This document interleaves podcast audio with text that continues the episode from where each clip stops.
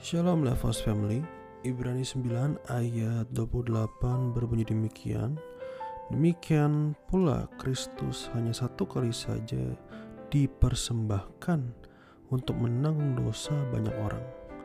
Sesudah itu ia akan menyatakan dirinya untuk kedua kalinya bukan untuk menanggung dosa, tetapi untuk menganugerahkan keselamatan kepada mereka yang menantikan dia.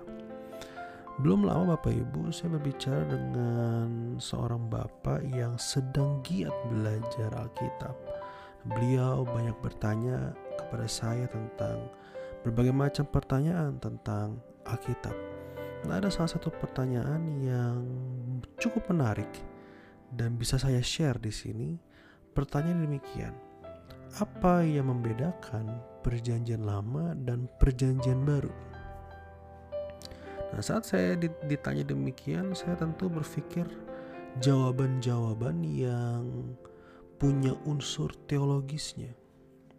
Jawaban-jawaban yang punya unsur benang merah antara perjanjian lama dan perjanjian baru.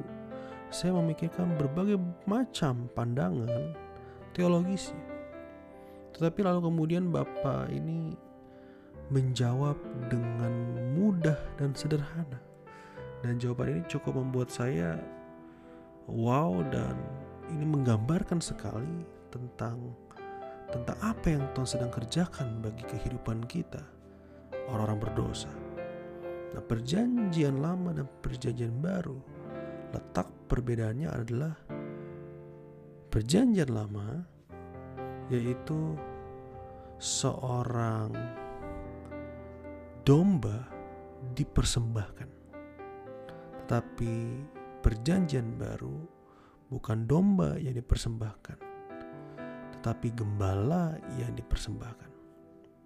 Nah, beliau menjawab dengan demikian dan dia berkata, kalau jawaban sekolah minggu itu seperti ini, kalau perjanjian lama adalah domba yang mempersembahkan kepada gembala, sedangkan perjanjian baru gembala mempersembahkan dirinya kepada domba-dombanya. Itu kan sebuah pernyataan yang luar biasa, simple, sederhana, tapi mengena dan menggambarkan sekali apa yang terjadi di perjanjian lama dan perjanjian baru. Perjanjian lama memang semua manusia berusaha mencari Allah. Salah satunya dengan memberi kurban lewat domba, menyembelih domba.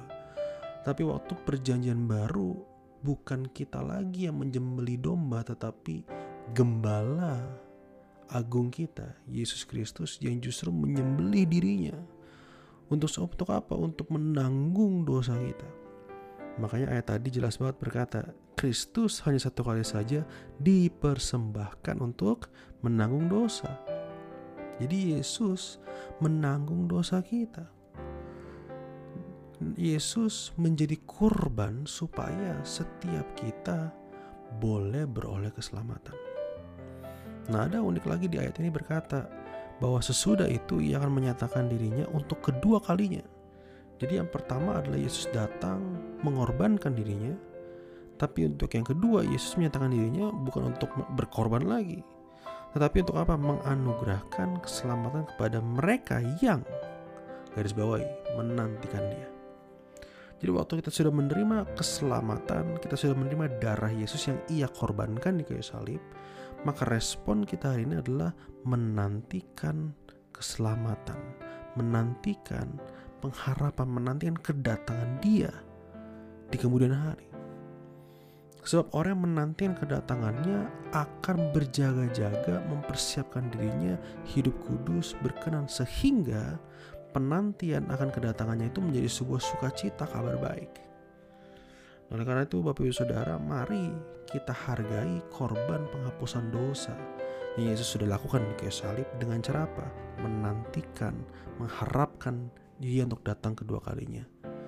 Bukan untuk membebaskan kita dari neraka atau masalah bukan, tapi menantikan bahwa dialah juru selamat kita. Dan kita mau say thank you secara langsung kepada dia, Tuhan, terima kasih sudah menyelamatkan saya. Dan saat ini saya memberikan hidupku sepenuhnya dan masa depanku ada di dalam tanganmu. Hidupku hidup hidupku yang kuhidupi hari ini adalah hidup oleh iman dan hidup menjadi seperti Kristus. Hiduplah dalam pengharapan. Tuhan Yesus memberkati.